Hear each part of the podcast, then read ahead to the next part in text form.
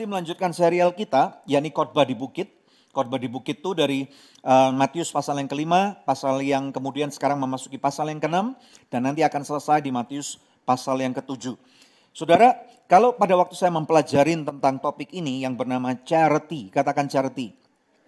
Saudara nanti akan uh, uh, belajar tentang apa itu charity, terus kemudian uh, mengapa kita melakukan charity dan bagaimana kita melakukan charity ini saudara ya. Charity itu adalah sedekah atau amal saudara ya. Nah kita tahu sudah beberapa minggu ini kita sudah dengungkan bahwa khotbah di bukit itu adalah Kingdom Manifesto. Ini yang didengungkan oleh Pak Gus Jayanto saudara ya. Khotbah di bukit ini merupakan cara berpikir dan budaya yang dibawa oleh sang raja yaitu pemilik kerajaan itu kepada warganya. Supaya apa saudara? Kita tahu bahwa memang benar saudara dan saya kita adalah warga negara kerajaan surga. Kita ada di bumi tetapi kita tidak berasal daripada dunia ini. Jadi seharusnya cara kita berpikir, cara kita bertingkah laku itu seharusnya adalah berorientasi dengan uh, dari mana kita berasal. Saya masih ingat waktu saya pernah kuliah uh, di luar negeri. Waktu itu puji Tuhan saya mempunyai kesempatan yang baik uh, untuk kuliah di Kanada, saudara. Tetapi cara saya makan masih kebanyakan seperti orang Indonesia.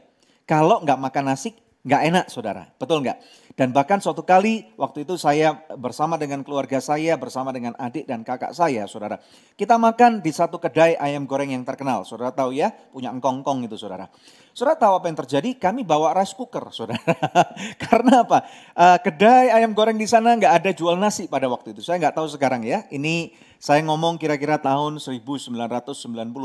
Nggak jual nasi putih, saudara. Jadi kami pengen banget makan ayam goreng pakai nasi putih. Jadi kami bawa rice cooker. Dan puji Tuhan saudara, itu enak banget sambil kami makan di sana dilihatin oleh banyak orang, terutama orang-orang bule, gimana ini makan di sini kok bawa nasi putih. Nah inilah yang terjadi bahwa seharusnya pada waktu Tuhan Yesus tempatkan saudara dan saya ada di muka bumi, itu memang kita menggunakan ada budaya Indonesia kalau karena kita dilahirkan dan dibesarkan di Indonesia, betul ya? Kalau saudara dibesarkan di Singapura atau di Kanada, di Amerika, di Australia, maka cenderungnya kita akan mengikuti budaya itu. Tetapi tetap saja kalau ada hal-hal yang tidak selaras dengan kebenaran firman Tuhan, kita harus tolak. Kita harus mulai men menselaraskan cara hidup kita. Cara kita beroperasi, cara kita berbisnis, cara kita berbudaya, cara kita berhubungan suami istri, cara kita parenting, saudara. Cara kita running our own work, our own ethics. Semuanya harus selaras dengan apa yang selama beberapa bulan ini kita belajar yaitu dari Tuhan Yesus Sang Raja itu. Yang percaya katakan amin. Nah pada hari ini saudara, memasuki bulan Oktober kita akan belajar gaspol. Katakan gaspol saudara. Kita akan gaspol Matius pasal yang ke-6. Tahu nggak? Pada Matius pasal yang ke-6, waktu saya teliti saudara dengan uh, lebih dekat. Ternyata satu hal yang saya temukan, Matius pasal ke-6 ini secara overview, ini mengajarkan tentang relationship atau relasi. Kita tahu memang, memang betul kekristenan itu adalah berbicara tentang relasi. Kekristenan bukan saja agama. Kekristenan adalah bukan cara, kalau agama itu cara manusia mencari siapa Tuhan, siapa pencipta, itu agama. Tetapi kalau kita bicara tentang kekristenan yang adalah relasi, itu adalah cara Tuhan untuk mencari manusia, saudara dan saya. Supaya apa? Kita bisa mengenal, mengidentifikasikan diri kita dengan cara berpikir surga, saudara. Supaya kita bisa tahu, supaya kita bisa diampuni, supaya kita bisa diselamatkan. Dan ujungnya adalah kita percaya, kita trust kepada dia. Yang percaya katakan amin. Inilah esensi daripada Matius pasal yang ke-6. Esensi ini begitu dalam dan luar biasa. Yuk kita akan melihat, baca bersama-sama ada empat ayat. Matius pasal yang ke-6 Ayat yang pertama sampai dengan ayat yang keempat. Siap saudara? Yuk yang di storehouse bantu saya baca dengan suara yang paling antusias. Saudara ya. Siap ya? Dua, tiga. Ingatlah, janganlah kamu melakukan kewajiban agamamu di hadapan orang supaya dilihat mereka. Karena jika demikian kamu tidak beroleh upah dari Bapamu yang di sorga. Ayat 2. Jadi apabila engkau memberi sedekah, Janganlah engkau mencanangkan hal itu seperti yang dilakukan orang munafik di rumah-rumah ibadat dan di lorong-lorong supaya mereka dipuji orang. Aku berkata kepadamu, sesungguhnya mereka sudah mendapat upahnya. Ayat 3 dan 4. Tetapi jika engkau memberi sedekah, janganlah diketahui tangan kirimu apa yang diperbuat tangan kananmu. Hendaklah sedekahmu itu diberikan dengan tersembunyi maka Bapamu yang melihat yang tersembunyi akan membalasnya kepadamu. Katakan wow. Haleluya. Saudara mungkin bertanya, sedekah kok relasi? Apa hubungan antara sedekah dengan relationship yang tadi saya katakan? Saudara mari kita lihat uh, dari bird eye view supaya saudara bisa mengerti tentang apa sih yang dimaksudkan dengan relasi di Matius pasal yang ke-6 ini. Saudara Matius pasal yang ke-6 di bagian pertama ini berbicara tentang sedekah. Ini yang kita bahas di minggu sekarang, di minggu yang pertama. Dan yang kedua, minggu depan, Pastor Debbie akan berkhotbah tentang hal berdoa. Saudara, pray never be the same again. Dengan cara yang tidak pernah sama lagi dan ini akan dibahas, saudara, tentang hal berdoa di minggu yang kedua. Nah kemudian nanti minggu yang ketiga, kita akan berbicara tentang hal berpuasa. Dan nanti ini akan dikhotbahkan oleh Pastor Hendro, saudara ya. Ini di minggu yang ketiga. Dan saudara tahu nggak, tiga hal ini adalah budaya budaya cara orang Yahudi melakukan ritual agama mereka. Saudara ya, kita seharusnya menjadi orang yang tidak agamawi. Tetapi kita harusnya menjadi orang yang rohani. Tahu nggak ada beda antara agamawi dan rohani? Agamawi itu tampak luar. Bulan yang lalu kita belajar law versus grace. Bahwa Tuhan Yesus sudah memenuhi hukum Taurat. Semuanya sudah dipenuhi semua. Sekarang kita lakukan, kita tidak lagi berusaha untuk mengimpresi orang tentang bagaimana kita ini saleh. Kata-kata saleh, saudara ya. Tetapi kita harus berubah dari dalam keluar, inside out. Nah inilah cara orang Yahudi untuk melakukan ritual agama mereka, untuk kesalehan mereka. Dan ini semuanya dilakukan secara pribadi. Katakan pribadi. Pribadi itu artinya apa? Antara Tuhan dan saya. Ini none of other people business. Nangkep nggak? Makanya saya menemukan, wow ini luar biasa banget. This is talking about relationship. Makanya dikatakan tiga hal ini mempunyai kesamaan. Firman Tuhan, Tuhan Yesus mengatakan lakukan tersembunyi. Enggak perlu ada orang tahu kamu berdoa. Enggak perlu dicanangkan itu berarti bukan direncanakan. Kalau kita ngomong bahasa Indonesia, canangkan itu kan direncanakan. Tetapi arti pada waktu kita lihat di dalam bahasa aslinya itu artinya pakai trompet. Di tot tot tot, tot saya mau ibadah. Tot tot tot, tot saya mau misalnya saya mau uh, berdoa. Saudara, saudara ngerti apa yang saya katakan ya? Karena itu cuma tindakan agamawi belaka, hatinya belum tentu tertambat kepada Tuhan. Tiga hal ini kita akan pelajari dan yang mana kalau kita bisa melakukan ini dengan baik, ada bonus round. Bonus roundnya apa? Saudara akan masuk minggu keempat nanti, yaitu belajar tidak khawatir. Amazing ya? Amazing banget. Ini amazing banget. This is talking about relationship budaya kerajaan surga yang mengajarkan kepada kita supaya kita mengerti tujuannya ini bukan alat pamer. Kita lakukan dengan tulus. Kita lakukan dengan sukarela. Bahkan nanti saudara akan belajar, saya tidak akan ngomong tentang berdoa dan berpuasa. Tetapi intinya kalaupun saudara, even to the point when you fail to pray and to fast. Tuhan tetap sayang sama saudara. Amazing gak? Even to the point kalau saudara gagal untuk bersedekah, Tuhan tetap sayang sama saudara dan saya loh. Ini luar biasa banget. Ini bukan alat pamer, kita lakukan dengan tulus. Dan ini menunjukkan ada bukti iman. When you are able to do this. Pada waktu saudara dan saya dapat melakukan ini, ini menunjukkan you trust the Lord. Saudara percaya kepada Tuhan. Saya mau tanya, adakah orang-orang yang percaya kepada Tuhan di sini? Adakah orang-orang yang beriman kepada Tuhan di sini? Yuk kita berikan kemuliaan yang paling meriah kepada Kristus Yesus Tuhan kita. Yang percaya katakan amin. Yang di rumah katakan saya percaya kepada Tuhan. And I trust the Lord. Haleluya. Saudara saya akan masuk kepada uh, minggu yang pertama. Yaitu tentang sedekah atau amal atau charity. Siap? Belajar? Mau belajar? Yuk kita lihat definisi dulu saudara. Mungkin saudara berpikir kenapa harus dikatakan definisi? Kan kita semua udah tahu. Nah supaya saya akan menaruh satu framework yang jelas supaya di gereja ini pada waktu kita ngomong tentang beramal, sedekah, charity itu artinya apa? I want to teach you something good. Saudara terima ya, definisi. Saudara, definisi daripada sedekah, amal atau charity berarti tindakan memberi bantuan secara sukarela, garis bawah sukarela. Biasanya dalam tiga hal atau empat hal. Yang pertama uang, yang kedua waktu, yang ketiga tenaga, yang keempat barang. Saudara ya. Jadi nggak melulu cuman UUD doang. Nggak melulu. Kalau saudara memang tidak bisa punya uang pada hari ini, saudara berikan, berikan waktu saudara. Berikan cara berpikir saudara. Kadang-kadang pada waktu tahu nggak, waktu ada orang yang misalnya hidup mereka tidak baik. Mungkin mereka nggak butuh duit, mungkin mereka jauh lebih kaya daripada saudara. Sometimes they need you, your time to be their friend. Atau cuman mendengarkan. Itu charity, itu amal, itu sedekah. Kepada mereka yang memerlukan. Jadi bukan cuman kepada orang miskin. Tetapi orang yang tertimpa kemalangan atau sesuatu. Mungkin ditinggal oleh suaminya atau istrinya atau anaknya meninggal. Who knows? Saudara, memerlukan atau kepada organisasi tanpa mengharapkan keuntungan. Maksudnya saudara berani lepas, udah saudara percaya. You trust the Lord. Bahwa saudara melakukan ini karena saudara sayang sama Tuhan. Amin, saudara. Nah sekarang pertanyaannya, masuk poin yang pertama. Saudara tahu nggak?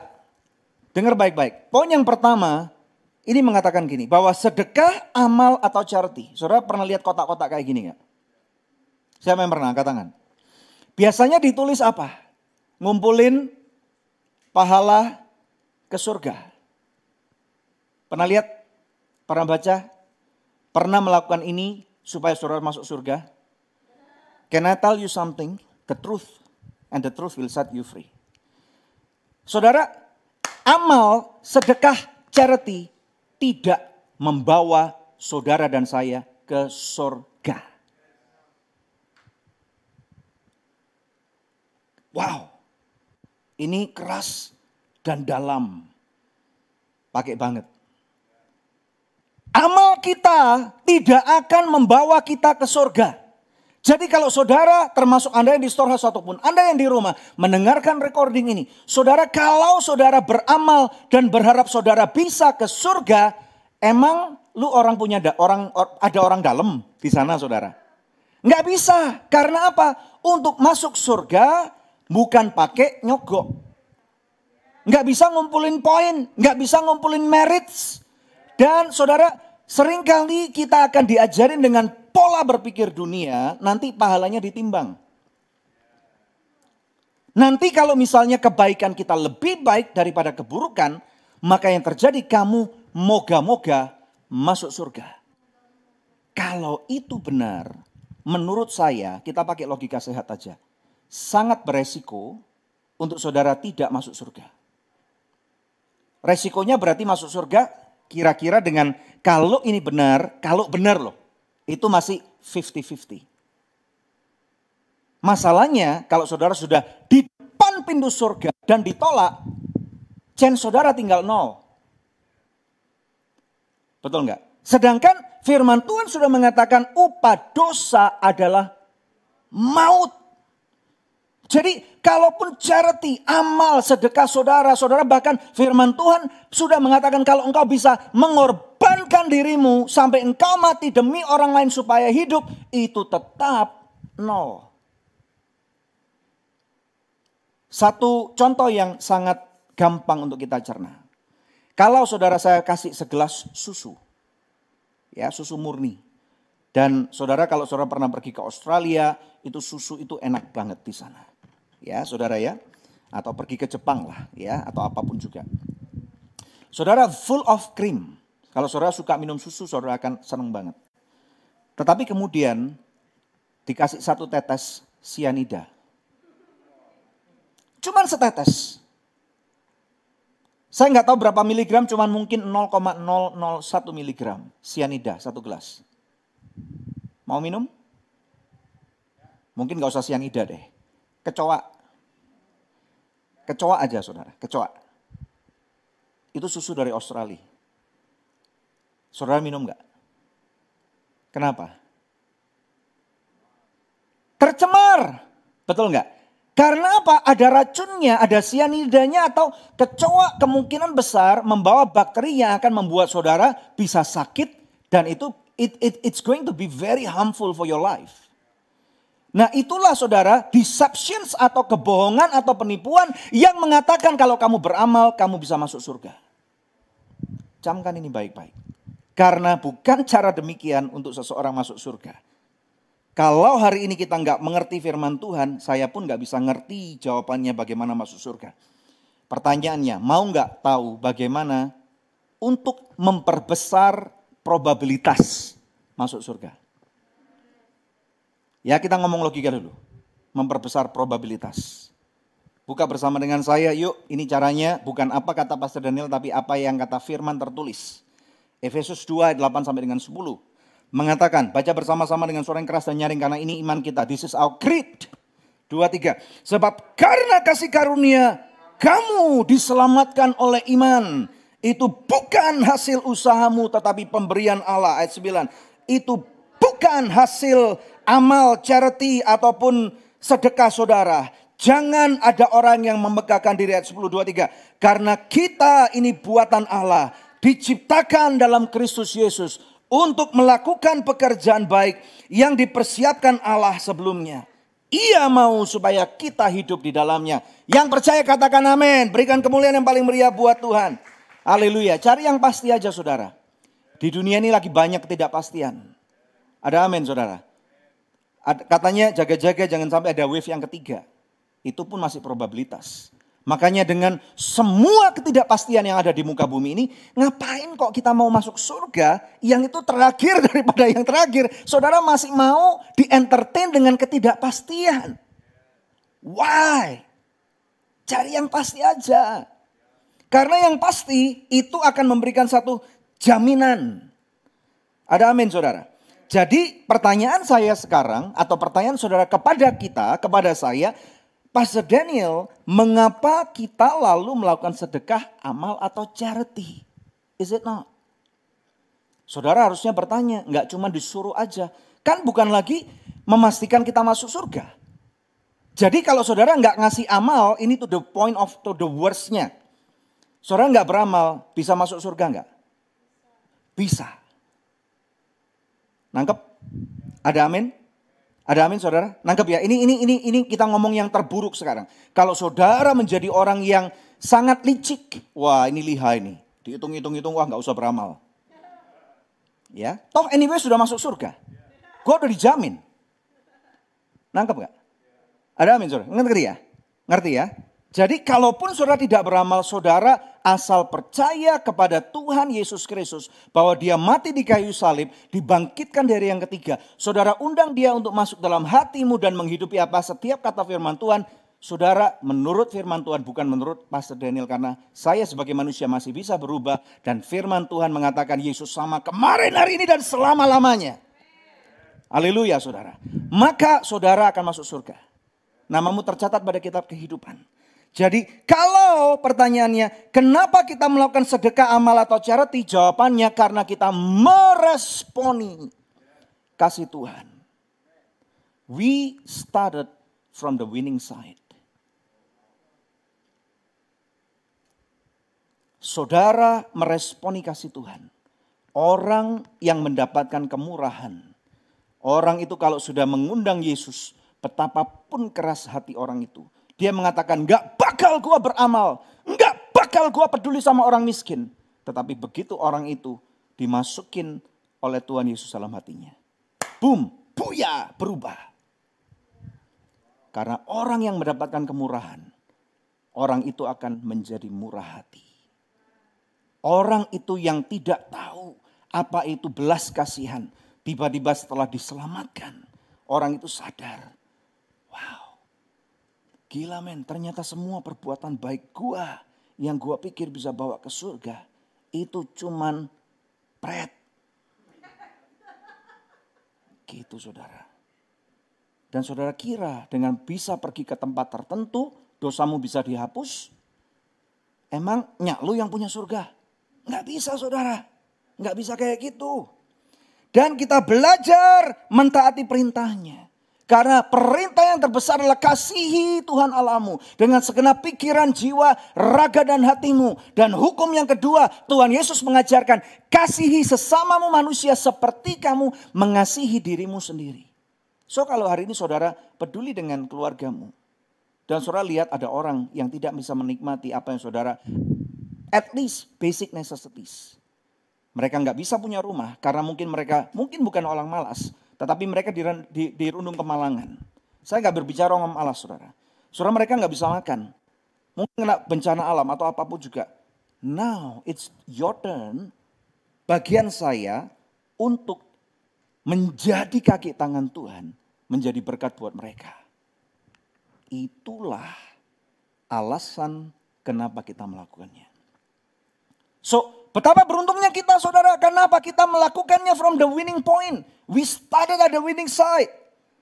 Haleluya yang percaya katakan amin.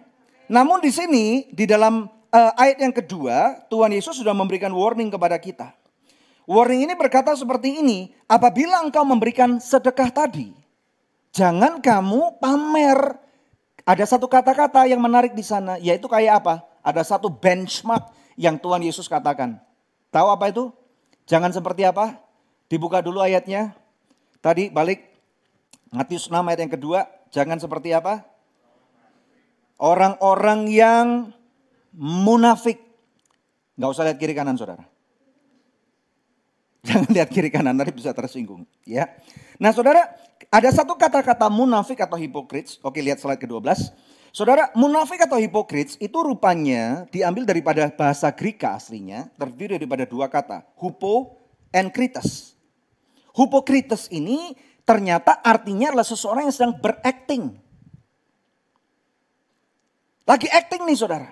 Acting ini biasanya siapa? Aktor, bintang film. Tahu nggak Daniel Craig yang main James Bond, dia belum tentu bisa lompat-lompat-lompat kayak James Bond itu saudara.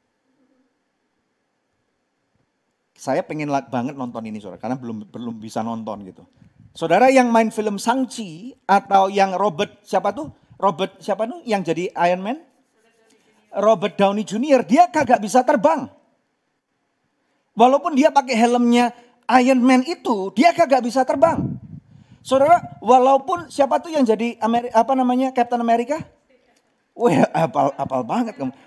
Chris Evans, saudara, itu kalau kena peluru mati. Kenapa kok nggak bisa mati di film Marvel? Karena dia lagi acting, dia lagi pura-pura, dia lagi jadi con artis. Dia lagi hipokrit, dia lagi munafik.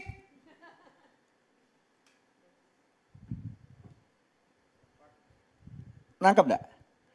Ini artinya saudara makanya Tuhan memberikan suatu warning kepada kita. Jangan sampai kita kemudian menjadikan satu perintah ini untuk menjadi alat pamer supaya orang kira kita baik. Supaya kita cuma cari nama untuk keuntungan sepihak karena tadi definisinya adalah kita tidak mendapatkan keuntungan. Belajar sesuatu? Amin saudara, ini poin yang pertama. Yuk kita lihat poin yang kedua, masih banyak. Ternyata melakukan charity, sedekah atau amal itu adalah bagian daripada akuntability keuangan kita. Ini artinya wealth management. Saudara, kalau saudara dengan orang yang di luar kekristenan, saudara when you talk about wealth management, they are only talking about how to expand uang saudara, potensi saudara, aset saudara. Betul ya? Tetapi padahal nggak komplit kalau saudara nggak ngomong tentang charity. Nggak lengkap, ada satu missing link yang dunia belum mengerti. Karena dunia berpikir when you give, you are losing something. Tapi firman Tuhan ngajarin when you give, it will come back to you. Makanya firman Tuhan ngajarin kita jangan lo berbuat jahat. Kalaupun ada orang berbuat jahat, kita udah belajar nih. Bukan cuma even to the point untuk mengampuni musuh. Mengampuni musuh itu cara orang dunia. Psikolog yang gak kenal Kristus pun juga akan ngajarin karena kalau lu gak ngampunin uh, apa namanya BPM kamu atau detak jantung kamu akan naik dan kamu akan darah tinggi, tetapi orang psikolog dunia pun atau yang non Kristen akan ngajari kamu untuk belajar untuk melepaskan pengampunan, tetapi Tuhan Yesus selalu step up the bar. Dan dia ngomong, cintai, kasih, berkati. Saudara, wow. Jadi makanya mengembangkan untuk saudara berbicara tentang akuntability keuangan kita, ini ada satu missing link. Karena bukan hanya mengembangkan uang potensi dan aset, tetapi mengerti kenapa kok kamu diberkati. Coba pikir, tidak semua daripada kita di dalam gereja ini adalah orang yang kaya, tetapi di dalam potensi, kan ini bukan tentang kekayaan uang aja saudara ya. Ada aset, ya, ada waktu, ada kepintaran, ada talenta, dan juga nggak bisa dipungkirin ada uang. Kenapa saudara diberikan kemampuan untuk pintar nyanyi? Kenapa saudara kok bisa mahir pegang kamera? Kenapa kok saudara bisa mempunyai keterampilan untuk berdoa? Ada satu pendoa syafaat kami saudara. Itu kalau dikasih mic 40 menit gak berhenti. Enggak berhenti saudara. Tahu orangnya? Katakan gua kenal orangnya. Salah satu daripada saudara harusnya ngomong itu nyak gua gitu.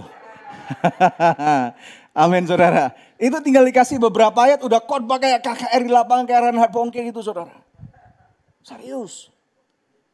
Saya nggak bisa berdoa kayak gitu. Kita sampai sampai jam berapa selesai ini saudara. Itu diperlukan loh, itu diperlukan. Jadi mengerti mengapa alasan kenapa kok saya yang diberkati. Kenapa kok bukan orang lain.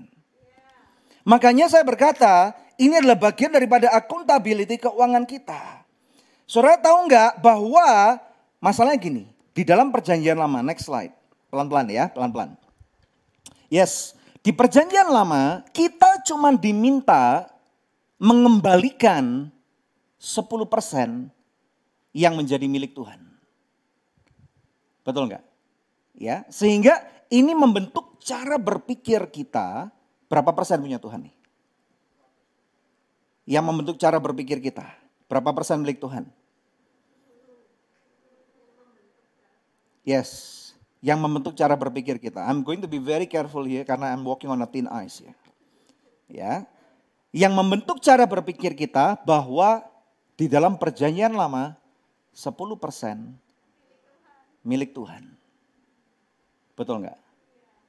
Pertanyaan saya, even to that point, kita udah berhasil melakukan enggak? Enggak usah angkat tangan. Karena Tuhan Yesus bilang tangan kiri memberi, tangan kanan enggak usah angkat tangan. Amin. Saudara, I'm talking to your heart. Ini perjanjian lama loh. Saudara kemudian akan ada perdebatan kenapa di perjanjian baru tidak pernah dibahas tentang persepuluhan. Betul enggak? Ini bisa menjadi loopholes bagi beberapa lawyer-lawyer, tiba-tiba kita jadi lawyer nih. Ya, tiba-tiba kita jadi lawyer. Kok pada tegang mukanya saudara? Ngomong soal ini kok tiba-tiba pada tegang gitu saudara? Tenang aja bos. Tenang, tenang, tenang. Tiba-tiba kita mulai berpikir, kan tidak pernah dibahas di perjanjian baru. Tahu nggak kenapa nggak pernah dibahas di perjanjian baru? Karena hal itu adalah hal yang basic. Tuhan Yesus itu orang Yahudi. Tuhan Yesus secara manusiawi dia udah orang Yahudi. Dia nggak perlu lagi bahas selalu bahas tentang persepuluhan, persepuluhan, persepuluhan. Yang mana sampai dengan di abad modern abad 21 kita masih berdebat. Karena apa? Sekarang Tuhan Yesus memberikan contoh. Kalau di dalam perjanjian lama Tuhan bersabda orang-orang gemeter. Sekarang di perjanjian baru, titik baliknya adalah seperti yang beberapa minggu saya ngomong, bukan kelahiran Tuhan Yesus, tetapi kematiannya. He gave all. Tuhan Yesus berikan segala-galanya. Dan dia berkata, tidak ada kasih yang lebih besar selain daripada seorang sahabat yang memilih mati buat kekasih-kekasihnya, buat sahabat-sahabatnya. Perbedaan kalau saudara dan saya mati buat orang lain adalah orang lain gak bisa terima hidup kekal. Kalau kita yang mati demi mereka, Tetapi kalau Tuhan Yesus mati demi kita atau demi seseorang, orang itu bisa menerima kehidupan yang kekal. Karena apa bedanya saudara? Tuhan Yesus tanpa cacat celah. Makanya sekarang terkuatlah jawaban. Kenapa di perjanjian baru Tuhan Yesus tidak lagi banyak berbicara. Ada satu dua ayat tetapi itu kurang memuaskan kita. Sehingga kita pikir seakan-akan tidak perlu lagi memberikan persepuluhan. Ada amin, saudara. Pertanyaannya sekarang, yuk kita upgrade. Katakan yuk kita upgrade. Katakan cus kita upgrade. Berapa persen milik Tuhan? Lu yakin? Berarti kalau Tuhan mengatakan tinggalkan segala-gala hartamu, jual untuk kepentingan orang lain, dan ikut aku, Berapa banyak yang di antara kita yang siap untuk melakukannya? Ini kalau film saudara, kalau ada yang gini-gini, itu berarti lagi nunggu saudara. Yakin 100% milik Tuhan. Iya, di Matius 19 ada satu orang kaya yang kemudian dengan gagah berani bertanya kepada Tuhan Yesus, apa yang kurang? Tuhan Yesus diam aja saudara. Dia cuma jawab satu pertanyaan. Jual harta milik kamu, bagikan kepada orang miskin, baru ikut aku. Bukan ikut dulu loh saudara. Dengan kecewa, dia berkata, nggak bisa.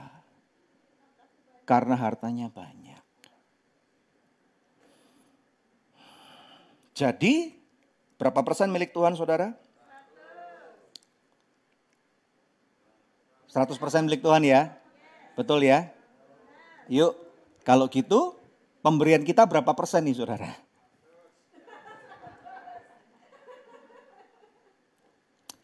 The truth of the matter is kita nggak mungkin bisa memberikan 100%. Karena kita juga punya banyak kebutuhan. Make sense dong. Makanya itu saudara, sebagai orang Kristen, kalau kita yang 10% aja gagal, udah deh lu gak usah ngomong yang lain. Udah. Karena apa 10% ini baru level Kristen anak-anak. Kalau saudara mau dewasa, remember, this is talking about relationship. Remember, this is talking about trust. Istri saya nggak bisa melepas saya untuk saya pelayanan keluar pulau atau ketemu dengan beberapa orang sendirian kalau dia nggak percaya dengan saya. Tapi kalau pada waktu dia mau berani rela melepaskan saya, sebenarnya dia mendapatkan keseluruhan daripada hidup saya. So sama saudara, kalau dengan level 10% dengan cara berpikir metode perjanjian lama saja, kita tidak berani melepaskan, it speaks a lot about your faith. Karena berarti saudara masih kurang percaya, jangan-jangan nanti nggak cukup di akhir bulan. Wah kok diam sekarang. Berapa persen milik Tuhan? 100 persen. Yuk kita mulai saudara. Mulai aja baby steps. Saya juga belum bisa memberikan keuangan 100 persen, jujur. Tetapi kalau sudah diminta oleh Tuhan, Daniel, Debbie tinggalkan hidup kamu, bisnis kamu semuanya, dan ikut aku. Ya kami sudah, ini kemuliaan bagi Tuhan saudara. Belajar untuk melakukannya, dan kami sudah lakukan hal itu. Ada amin. Kami tinggalkan bisnis kami, kami tinggalkan kota di mana kami lahir, saudara. Kami kehilangan banyak sekali hal.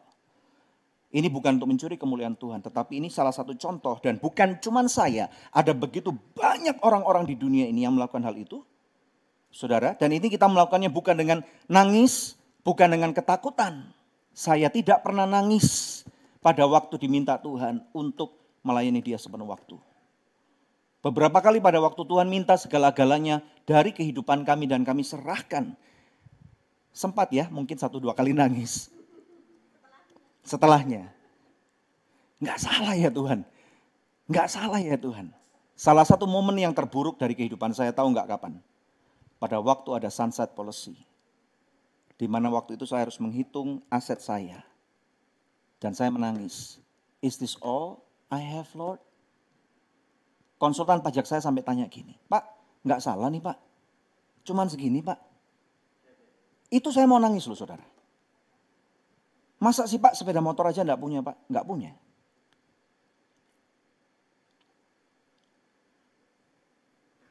Itu saya mau nangis saudara. Itu saya mau nangis. Tetapi saya percaya bahwa I'm doing it joyfully. Ada amin saudara? Makanya ini adalah bagian daripada accountability, akuntabilitas kita untuk mengelola kekayaan. Wealth management. Biblical stewardship, next saudara. Udah nggak usah nangis saudara. Biblical stewardship atau pengelolaan, jadi kalau zaman sekarang nih ya, kalau zaman dulu kalau ngasih tentang keuangan harus kelihatan uang dolar atau apa sekarang nggak usah pakai grafik lebih banyak saudara returnnya lebih gede betul nggak kalau pakai uang kertas saudara returnnya mungkin setahun cuma 4 persen 5 persen. Ini sehari bisa 5 persen saudara. Sehari bisa 30 persen. Pakai grafik. Ayo pakai grafik. Keluarkan grafik lo. Biblical stewardship is the way of the kingdom. Jadi apa yang kita punya? Kalau saudara gagal untuk mengembangkan diri, berarti saudara memilih untuk mempermalukan Tuhan. Kalau saudara gagal untuk melepaskan, Tuhan Yesus ngajarin gini, serahkan kepada kaisar apa yang menjadi hak kaisar. Serahkan kepada Tuhan apa yang menjadi haknya Tuhan. Kalau kita masih berpikir bahwa 100% milik Tuhan, yuk saudara, choose, do it. 10% dulu. Ada amin. Karena apa? Bahkan saya nggak mau buka ayatnya dengan sengaja. Karena I'm different. Tapi ayat itu berkata, supaya ada makanan di rumahku. Ada amin. Dan rumahku nggak cuma berbicara tentang gereja, tentang para imamnya, tetapi ada janda-janda, ada orang-orang miskin, orang-orang yang yang menjadi apa ya pendatang daripada luar kota, saudara. Mereka yang nggak bisa bayar anak uh, sekolah apa anaknya untuk sekolah dan lain-lain, saudara. Dan itu jelas. This is part of our responsibility. Karena kita mengelola asetnya Tuhan. Coba lihat kiri kanan. Katakan, ternyata kamu wealth manager loh. Amin saudara. Yang di rumah ketikan, saya wealth manager. Amin, saudara. Puji Tuhan, belajar sesuatu. Yang ketiga, yuk ini poin yang terakhir. Saudara tahu nggak, when you are doing charity, when you are doing amal atau sedekah, you are creating a legacy. Ini maksudnya apa? Saudara, berarti ini step up the bar lagi bahwa ternyata bukan cuman ngasih 10 ribu, 20 ribu, atau 100 ribu, atau 2 juta, 3 juta, dan kemudian melupakannya. Bukan cuman itu saudara, tetapi intentionally, well planned, direncanakan. Pernah berpikir nggak orang mau ngasih charity direncanakan? Itu kalau orang nggak kaya nggak bisa. So level kebesaranmu hari ini ditentukan how well planned are you in your good works, in your charity.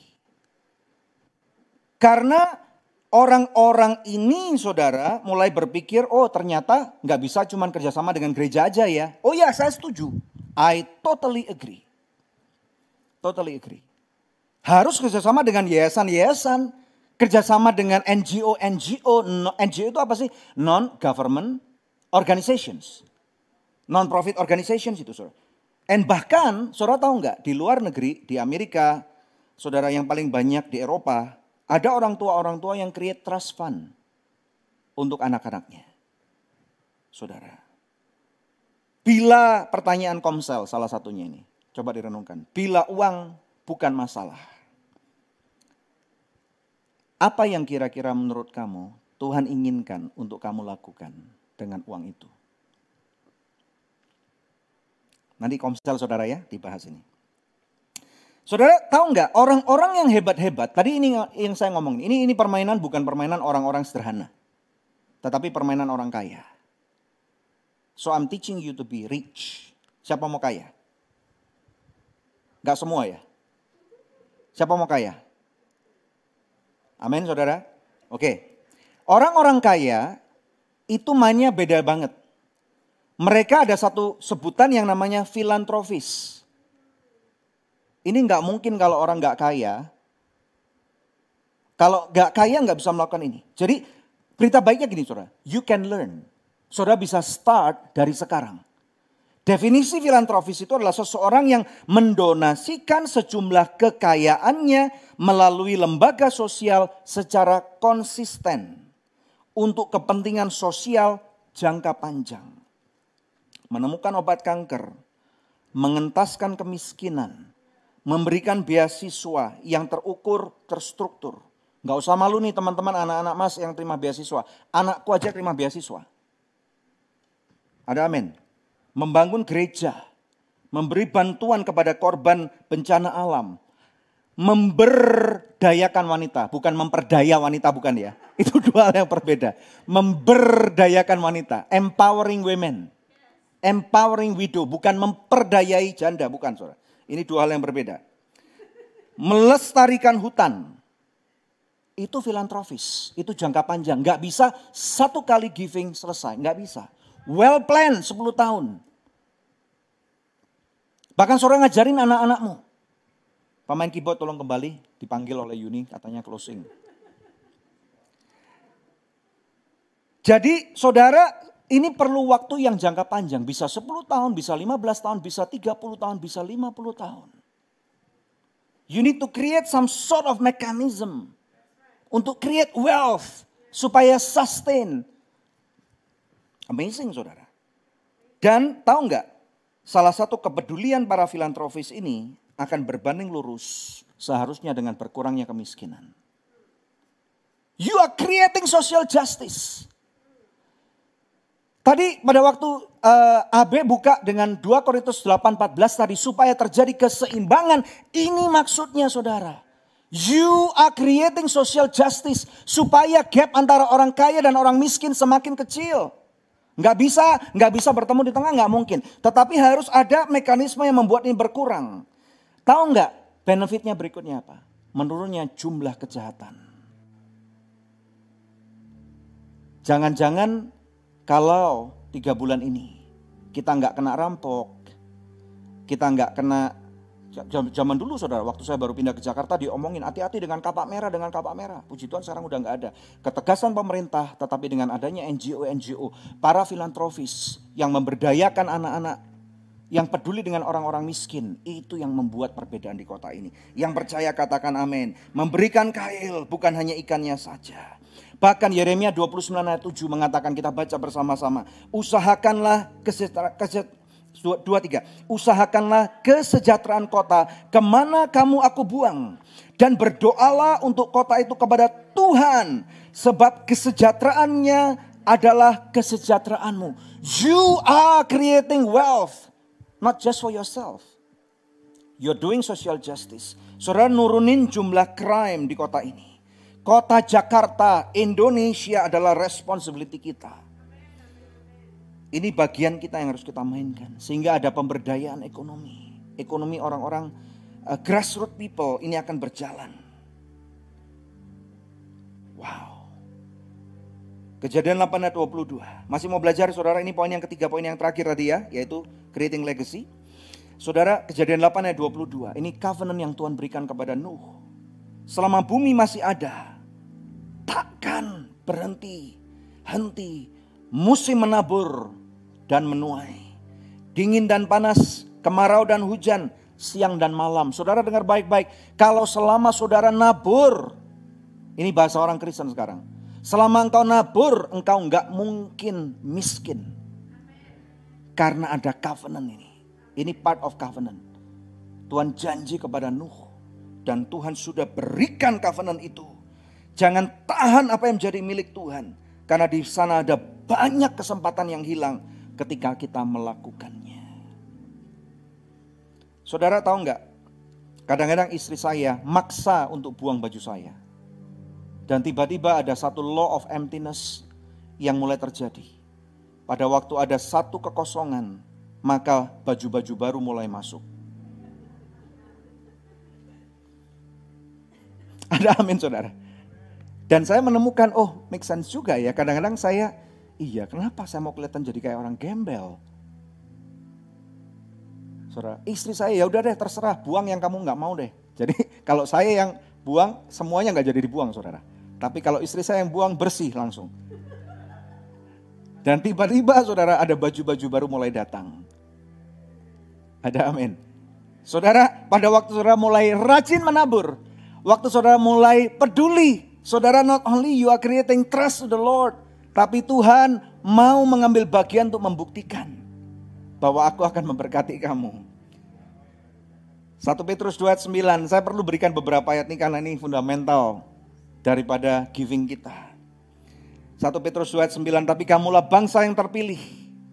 Sebutkan tepuk dada saudara, imamat yang rajani, bangsa yang kudus, umat kepunyaan Allah sendiri, supaya kamu memberitakan perbuatan-perbuatan besar dari Dia yang telah memanggil kamu keluar dari kegelapan kepada terangnya yang ajaib. Pelayanan misi gak ada yang murah. Kami ngutus misionaris mulai tahun 2012 untuk menjangkau ke satu desa namanya Sukuwana. Sampai sekarang, sampai sekarang saudara, 2012 sampai dengan sekarang berapa tahun tuh? 9 tahun ya. Belum satu pun anak SMA yang kami luluskan. Belum bisa. Dan itu pelayanan sudah banyak berdarah-darah. Belum ada satupun anak yang lulus SMA. Udah mau lulus, eh kawin saudara. Udah mau lulus kawin lagi. Udah mau lulus kawin lagi. Kapan lulusnya saudara? Serius. Makanya saudara kita berbangga. Kita punya Tuhan yang memberikan contoh yang luar biasa. 2 Korintus 8 ayat 9, yuk kita bangkit berdiri. Kita bangkit berdiri. Karena kamu telah mengenal kasih karunia. By grace. Yaitu Tuhan Yesus Kristus. Baca nih saudara. Bahwa ia yang oleh karena kamu menjadi miskin. Sekalipun ia kaya. Supaya kamu menjadi kaya oleh karena kemiskinannya. Mari kita berdoa. Bapak ini kami, terima kasih hari ini kami boleh belajar. Ada hal-hal yang luar biasa yang kami pelajarin. Tuhan, kami mau serahkan hidup kami dalam tangan-Mu. Kami mau belajar untuk percaya. Karena kami tahu Tuhan, apa yang menjadi firman-Mu hari ini, ini Engkau akan genapi. Diberkatilah anak-anak-Mu Bapa atas apa yang menjadi usaha, pekerjaan, manajemen mereka. Di dalam nama Tuhan Yesus Kristus yang percaya dan sudah diberkati Tuhan. Katakan, amin. Tuhan memberkati. Be seated. Terima kasih karena kamu sudah join dan mendengarkan khotbah dari Pastor Daniel Hendrata di podcast Anugerah Church. Kalau kamu diberkati dengan podcast ini, yuk share ke teman-teman lainnya agar lebih banyak lagi jiwa yang diberkati. Anugerah Church at Storehouse.